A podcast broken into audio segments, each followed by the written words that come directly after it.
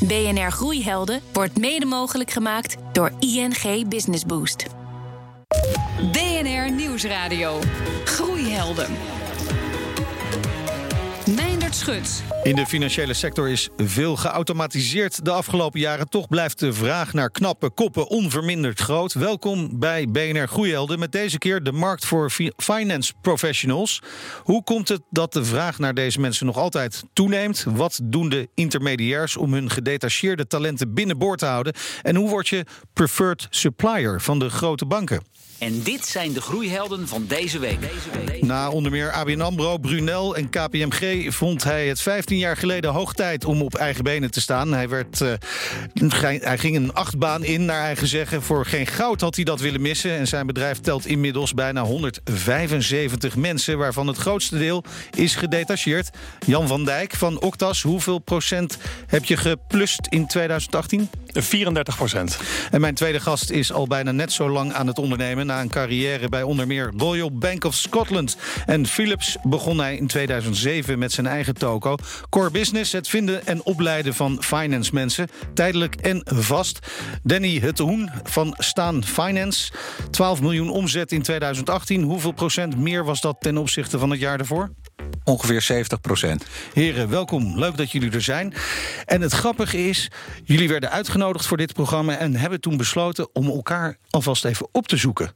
Ja, dat klopt. Uh, we zitten toch in hetzelfde werkveld als, als werkgever. En het is altijd goed om uh, ideeën, kennis en ervaring uit te wisselen. En dat hebben wij uh, op beide locaties gedaan. En dat was, dat was erg interessant. Ja, ik werd vooral nieuwsgierig omdat ik de naam wel eens had gehoord. Maar we kwamen elkaar niet als concurrenten tegen. We zitten allebei in Amsterdam met dezelfde klanten. En dan ja. word je nieuwsgierig van, goh, andere succesvolle onderneming. Wat doen zij precies? Ja, en dat je nog wat van elkaar kunt leren. Zeker. Dat is precies de bedoeling van dit programma. Ja. Even Danny, jullie zeggen, je zegt we hebben andere klanten. Wat zijn jullie klanten?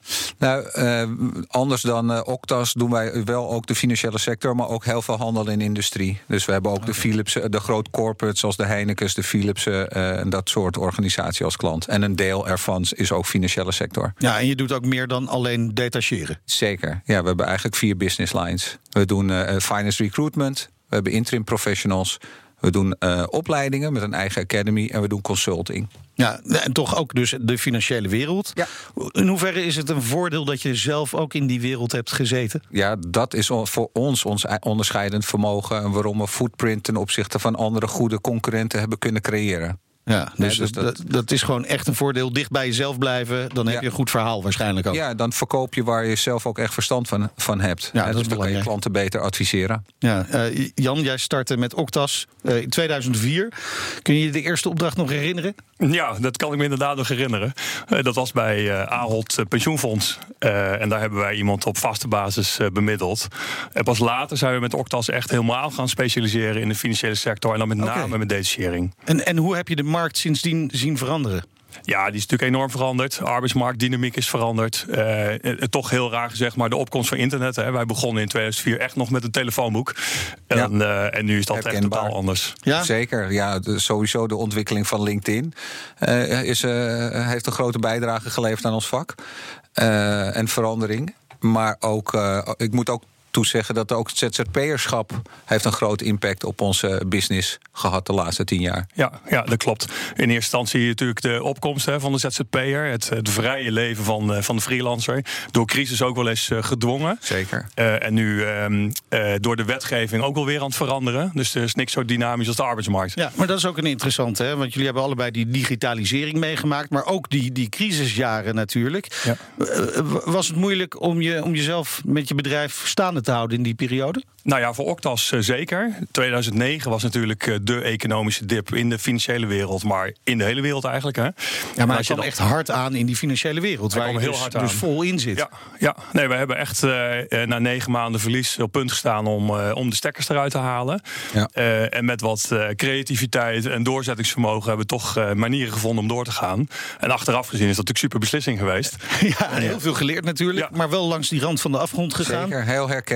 Kijk, wij hebben het overleefd omdat we destijds zelf uh, ook inhoudelijk inzetbaar waren. Dus we gingen onszelf ook verhuren. En dat geld gebruikten we eigenlijk om zwarte cijfers te blijven ja. Ja. Uh, schrijven. Dat was eigenlijk uh, waarom we het konden overleven. Omdat er eigenlijk bijna geen vraag meer was naar de diensten die we toen verleenden. Ja, en wij zijn juist heel creatief van geworden. Hè? Dus dit is ook een vorm van creativiteit. Ja. En dat eh, waardeer ik altijd in, eh, in ondernemers.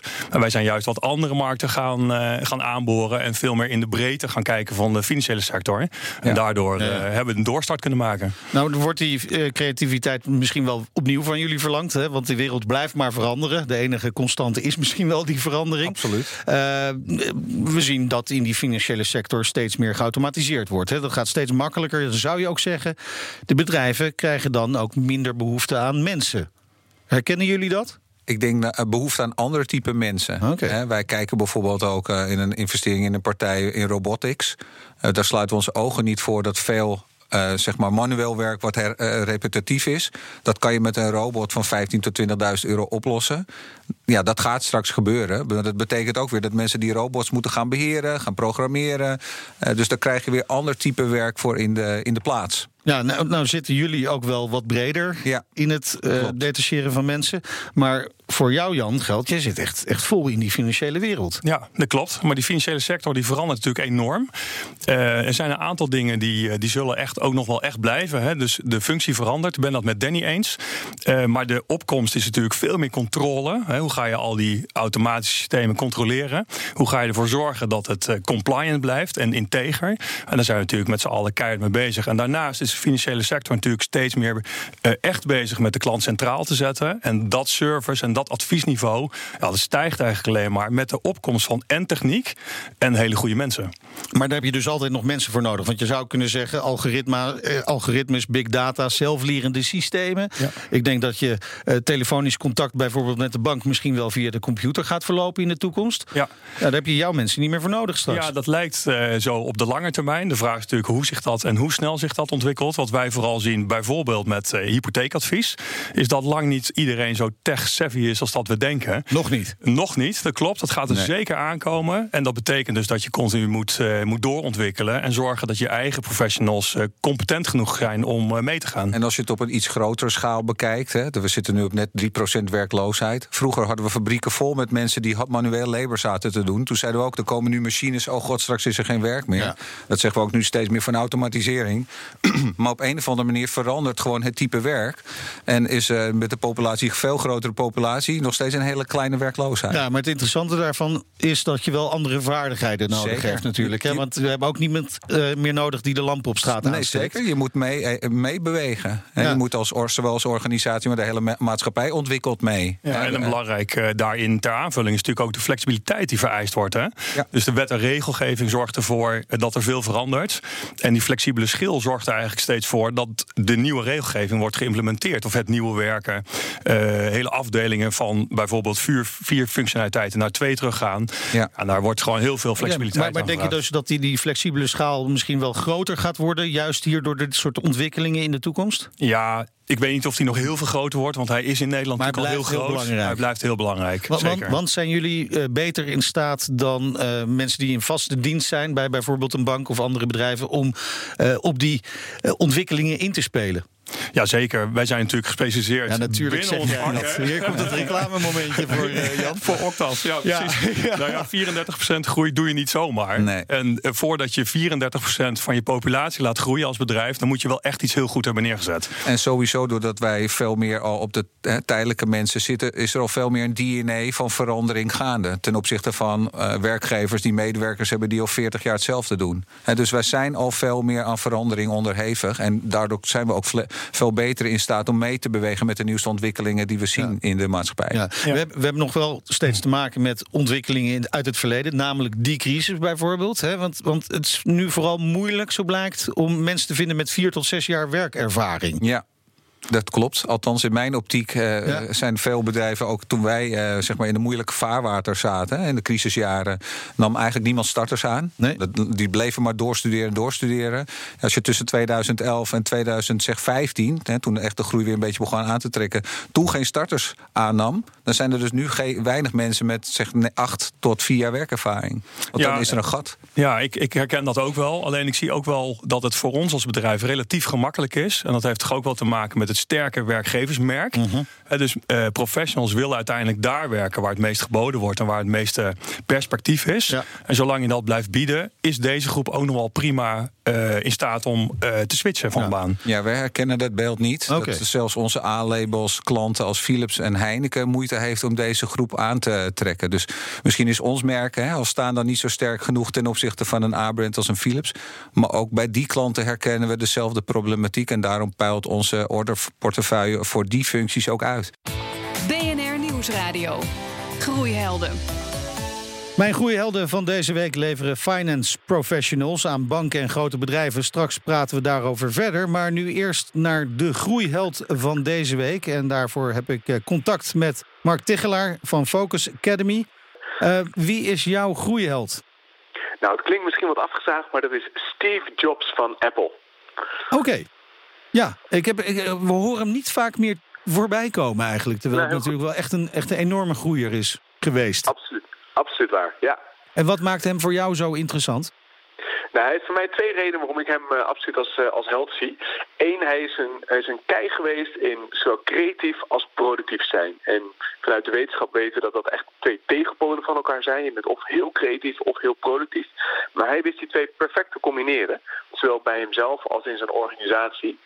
Maar eigenlijk misschien wel de belangrijkste reden, hij had een super focus. Hij heeft tegen heel veel producten nee gezegd.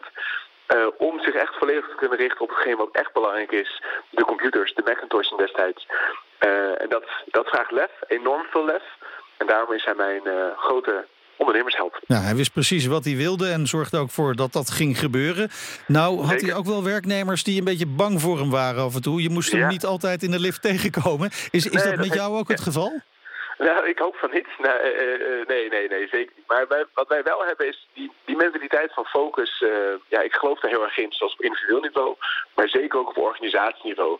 Succes in mijn ogen wordt niet zozeer bepaald door wat je wel doet, maar meer wat je niet doet. Focus gaat om het maken van keuzes. En dat betekent dus ook nee zeggen tegen bepaalde klanten. Nee zeggen tegen interessante projecten die net niet helemaal in lijn zijn met je einddoel. Eh, en dat vraagt lef. En dat is niet altijd leuk of makkelijk. En dat kan ook echt ongemakkelijke gesprekken opleveren met mensen. Dat, dat hebben wij ook. Maar dat zorgt wel voor eh, focus en daardoor groei. Eh, dus daar is, dat is iets waar ik, eh, ik als persoon, maar zeker als organisatie ook heel erg eh, achter sta. En jouw keuze lag op Steve Jobs als groeiheld. Dankjewel, Mark Tichelaar van Focus Academy. BNR Nieuwsradio. Groeihelden. In deze uitzending van BNR Groeihelden spreek ik twee ondernemers die finance professionals leveren aan banken en andere grote bedrijven. Jan van Dijk van Octas en Danny Hoen, oprichter van Staan Finance.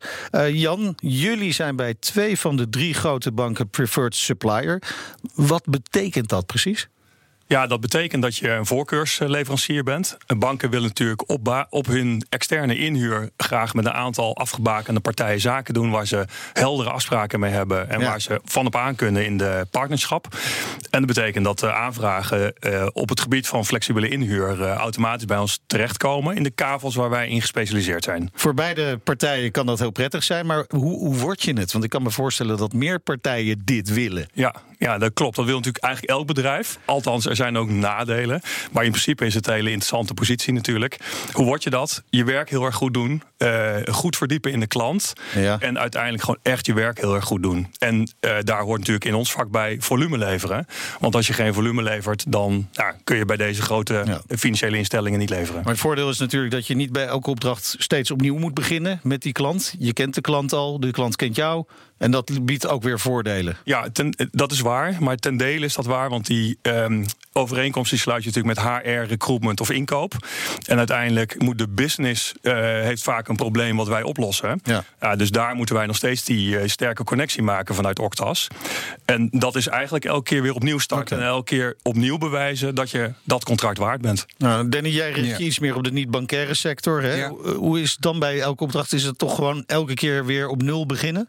Eh, ja, je moet eigenlijk, zoals Jan je ook zegt, je moet je eigenlijk op de inhoud altijd blijven eh, bewijzen. Hè? Eh, ook al zou je preferred supplier zijn. Wij hebben er bijvoorbeeld bij ING voor gekozen om niet preferred supplier te zijn, omdat we de nadelen. Bewust. Ja, omdat de nadelen veel groter zijn dan de voordelen voor ons.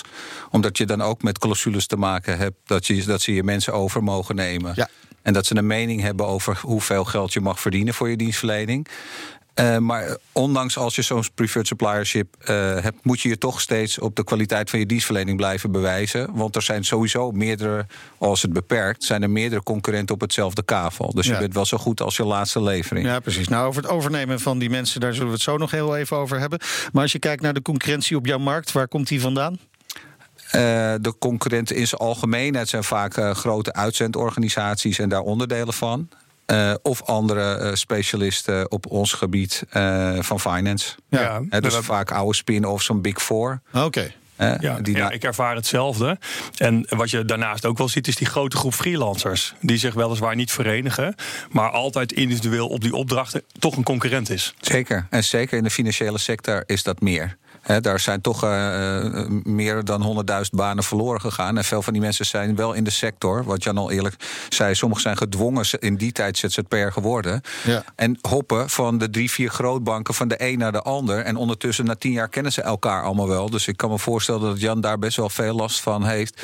Eh, Ja, dat steeds die- minder hè, door de wet DBA. Ja. Eh, in die zin is dat wel Ja. echt wel veranderd. Maar in beginsel was dat wel zo, ja. Ja. Eh, Nou, nou noem je net een paar grote namen waar je mee concurreert. Hè? Hoe kom je daar als MKB'er nou tussen? Want de opdrachtgevers zullen misschien ook die andere, die grote partijen meer top of mind hebben. Ja, dat is op zich voor ons allebei eigenlijk be- best wel een eh, prestatie van je wels. Hè? Als, eh, gefeliciteerd, MKB mannen. nou dank. ja, eh, om, om toch footprint te krijgen tussen partijen met grote marketing, grote salesapparaten. Ik denk dat we daar beide gemeen hebben dat we de mens en de kwaliteit en de, van de dienstverlening centraal hebben gesteld. Maar die mens, die, die is dus belangrijk. Ja. Hè? En we hadden het net over die automatisering. Die geldt natuurlijk eigenlijk voor jullie net zo. Helpt die automatisering voor jullie ook om de, eh, de, de beste mensen te vinden? Kun je daar iets mee? Ja, zeker. De technieken, eh Danny zei het net al, eh, LinkedIn is natuurlijk een tool die we gebruiken.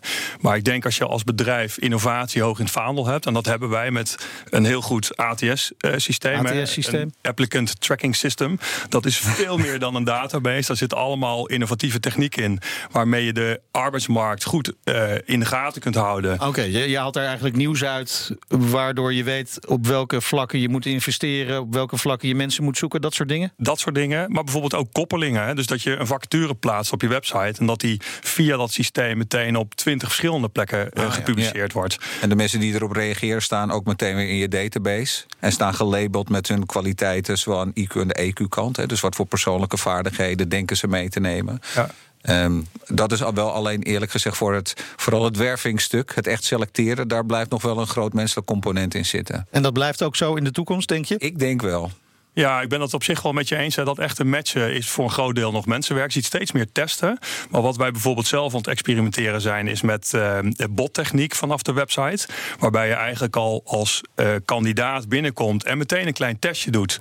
eh, om te laten zien of je erbij past. Hè, cultureel of juist op kennis of vaardigheden. En dan doorgaat in een sollicitatie. En dat maakt innovatie dus heel erg interessant. Want wij kunnen ons veel meer focussen op het gesprek of op de mens... en minder op dat voorstuk. Nieuwsradio. Groeihelden. Het is weer tijd voor onze wekelijkse mini-masterclass. Deze keer met Kees de Jong van NL Groeit over het echte probleem achter je vraag. Nou, werken aan het echte probleem is, is wat ik vaak zie in, in eh, gesprekken die ik heb met ondernemers. Ik ben zelf mentor van ondernemers. Waarbij bijvoorbeeld het eerste punt wat ze aangeven is: ja, ik, ik kan niet aan mensen komen. En dan is dat natuurlijk een probleem. Maar bij het doorvragen is het echte probleem ehm, dat ze geen goed genoeg strategie hebben om mensen daadwerkelijk te kunnen overhalen om bij hen te werken. Of het echte probleem is dat ze nauwelijks tijd besteden aan het drinken van kopjes koffie met mensen die eventueel bij dat bedrijf zouden kunnen werken. Naarmate je de ui verder afpelt, blijkt inderdaad het eerste punt waar ondernemers mee komen nooit het echte punt te zijn. Het echte probleem zit dus vaak iets dieper dan je misschien in eerste instantie denkt of roept. Praat daarover eens met andere ondernemers of een mentor bijvoorbeeld. Zo kom je namelijk verder. Ik weet nog van een ondernemer die ehm, alle tekenen wezen erop dat hij moest gaan internationaliseren met zijn bedrijf. Eh, hij vond het moeilijk en alles. En, en uiteindelijk toen de ui was afgepeld, was hij onzeker over zijn Engels. En, en eh, wilde hij zelf niet de gesprekken aan in het Engels, omdat hij daar het onzeker over was. Dus zo zit er altijd wel ergens wat achter. En met name als je andere ondernemers helpt, ja, dan is het goed om niet gelijk te springen op wat ondernemers zeggen, wat hun probleem is. Vraag je jezelf dus af wat nou het echte probleem is. Je hoorde Kees de Jong van NL Groeit. En ik praat verder met Jan van Dijk van Octas en Danny het Hoen, oprichter van Staan Finance. Die al heel lekker met elkaar aan het eh, praten zijn over de problemen waar ze allebei mee zitten. Of de kansen die ze zien. Ja. Eh, Jan, even eerste kwartaal van dit jaar. Heb je ook wel gemerkt dat je wat gedetacheerde mensen bent kwijtgeraakt aan opdrachtgevers? Hè? Daar hadden we het net ook al even over. Ja. Calculeer je dat van tevoren in? Of is dat toch gewoon een kwestie van balen? Want je Ja. raakt toch een beetje je kapitaal kwijt. Ja, als ondernemer baal je daar natuurlijk van. Ja. Laten we dat voorop Het is wel een compliment ook weer Wij natuurlijk. zien dat ook als compliment, maar eh, het is een onderdeel van de contracten. Wat Danny net ook zei, als nadeel is dat onze klanten mensen over kunnen nemen. Het is een prachtig compliment, want blijkbaar doen die professionals van Octas het uitstekend. Ja, wij verliezen wel business. Dus Ja. waar het bij ons om draait, is dat wij dus nog betere kansen moeten creëren voor onze professionals. En moeten zorgen dat wij die carrière bij ons versnellen, in plaats van dat ze naar de klant overgaan. Ja, want het is niet zoals met eh, Frenkie de Jong bij Ajax... dat je even 86 miljoen krijgt voor eh, zo'n toptalent... dat je aan een bedrijf verkoopt. Helaas, dat zou prachtig Zo- zijn. zo ook nog als ik dan een beetje door mag schuiven naar mijn oud-werkgevers. Hè. precies, dat zou dan ook nog werken. Ja, maar ja. Dat, die die Ja. constructies die zijn er wel, maar heel Ja. beperkt. Ja, maar je moet dus zorgen dat het beperkt wordt, dit. Hè. Want Het is een compliment, hartstikke mooi, maar je verliest wel omzet. Ja. Eh, neem je concrete maatregelen om dit tegen te gaan? Ja, zeker. Dus wij hebben eh, zelf dit jaar gezien dat het heel hard ging. En een concrete maatregel is echt sneller doordetacheren. Dus mensen niet te lang op een opdracht laten zitten. Ja. Vindt de klant niet altijd leuk, maar dat is dan de consequentie. Nou ja, wij hebben iets, in die zin iets andere ervaringen. Dat we dus wel eh, daar een redelijke vergoeding voor, eh, voor krijgen. Maar hoe dan ook, we kunnen ze niet zo snel de goede mensen vinden en selecteren en opleiden. dat we ze kwijt kunnen raken. Het is ook een soort gemakzucht van klanten om niet door een heel selectieproces omheen te moeten gaan. Er zit iemand, hij doet het goed. Ja. En, en men betaalt vaak eh, bij ons een substantieel bedrag. Maar dan nog zijn we er niet blij mee. Want het hindert ons in onze ontwikkeling van het bedrijf. Ja, en Nou, je kunt er ja. ook eigenlijk je business case niet van maken, omdat je die, die, die Nee. opleiding eh, heb Nee. je niet van onderaf. Nee, en je moet je ook voorstellen dat de, de, de krapte op de arbeidsmarkt zorgt wel voor prijsstijgingen in salarissen die niet meer reëel zijn. En waar men straks heel veel last van gaat krijgen bij een volgende crisis die er onherroepelijk wel een keer komt. Ja, en het nadeel is dan dat de tarieven niet direct meestijgen in alle gevallen. Nee, precies. Dat dus heeft de dat- marge komt dan toch een beetje onder druk te staan. Ja. zeker. Ja, ja, precies. Maar wat doen jullie dan om dit tegen te gaan? Hè? Want eh, Jan die zegt, wij, wij detacheren minder lang. Ze, gaan- ze Ja. hoppen eigenlijk meer van opdrachtgever naar opdrachtgever. Nou, wij doen eigenlijk twee dingen. Allereerst accepteren we de situatie. Want we merken gewoon dat de aanbiedingen die onze mensen krijgen... daar met een niet stijgende tarieven naar de klant... dat we daar niet mee kunnen wedijveren. Dus een Philips of een Heineken of een ING kan altijd van ons winnen op salarisgebied. En dan willen we het gewoon commercieel afhandelen. Dus wij zorgen gewoon dat we nog meer inzetten op meer mensen werven. En leggen ons neer bij het feit dat alles veel vluchtiger is geworden. Ja, veel vluchtiger. Eh, dat betekent ook dat we nu al bijna aan het einde zijn Ja. gekomen van deze uitzending. Zo vluchtig gaat dat ook. Eh, jullie begonnen allebei heel erg positief. eh, maar hebben duidelijk ook wel uitdagingen hè, waar jullie mee zitten. Wat gaan jullie nou doen om die groei de komende twee, drie jaar vast te houden? Danny? Nou, wij zullen aanpalende dienstverleningen vooral in oplossingen verkopen, robotics, eh, systemen implementeren. Dus wij gaan ons verbreden in de dienstverlening bij dezelfde klant. Hè, want we zijn eigenlijk een specialist op finance en control, die toevallig ook het arbeidsbemiddeling binnen zijn totale portefeuille heeft. Dus wij zullen meer inzetten op meer diensten bij Ja. dezelfde klanten. Jan? En wij eh, zijn door aan het investeren in de interne organisatie, zowel in eh, techniek, automatisering en eh, als mensen. En extern, hè, dus naar welke vakgroepen kunnen wij het beste detacheren, die zijn we aan het splitsen. Dus ik geloof in die cellentechniek. Heb je een te grote groep, kijk wat voor een competentie daarin zitten en splits dat. En zorg dat je goed. nog beter moeten wij dat de komende jaar doen om te blijven groeien. Goed weten waar het probleem van de klant dat zit. blijft wel allemaal onder de paraplu van Octas? Zeker. Oké, want je gaat niet aparte bedrijven oprichten met aparte nee, namen. Nee, we hebben 15 jaar geïnvesteerd in de content rondom Octas. Het lijkt me uitstekend. Supersterk merk eh, geworden natuurlijk. Ja. Ja, binnen de financiële Wie kent sector het niet? eh, zijn wij top 6. Ik ken het wel. Ja, jij kent het wel. En je hebt nu ook in huis gekeken. Dus Zeker. wat, hebben jullie nog iets van beide meegenomen waarvan je zegt... dat heb ik ook bij mijn eigen bedrijf nu ingevoerd... of dat wil ik gaan invoeren? Nou, ik zag wel vrij veel overlap. dat we allebei, het zit in het op, opleiden en in de kwaliteit van mensen en dienstverlening. En dat we daar allebei een onderscheidende factor. En daar geven we ons allebei ons eigen sausje aan. Maar je ziet ook wel heel veel overlap. Ja, veel overlap. Alleen in de structuur denk ik dat we anders zijn. Je werkt met ondernemers uh, binnen je bedrijf. Ja. En wij werken met aandeelhouders. En dat uh, is beperkt. Dus we moeten het hebben van heel goed management. Nou, volgens mij gaan jullie nog wel even doorpraten met elkaar. Zeker. Dank jullie wel. Jan van Dijk van Octas en Danny Etoen, oprichter van Staan Finance. Terugluisteren kan op Spotify, in iTunes en in de BNR-app. En daar vind je ook onze andere afleveringen en podcast over groei. Volgende week zijn we er natuurlijk gewoon weer. Dan weer met twee nieuwe groeihelden. En tot die tijd zeg ik, lekker blijven doorgroeien. BNR Groeihelden wordt mede mogelijk gemaakt door ING Business Boost.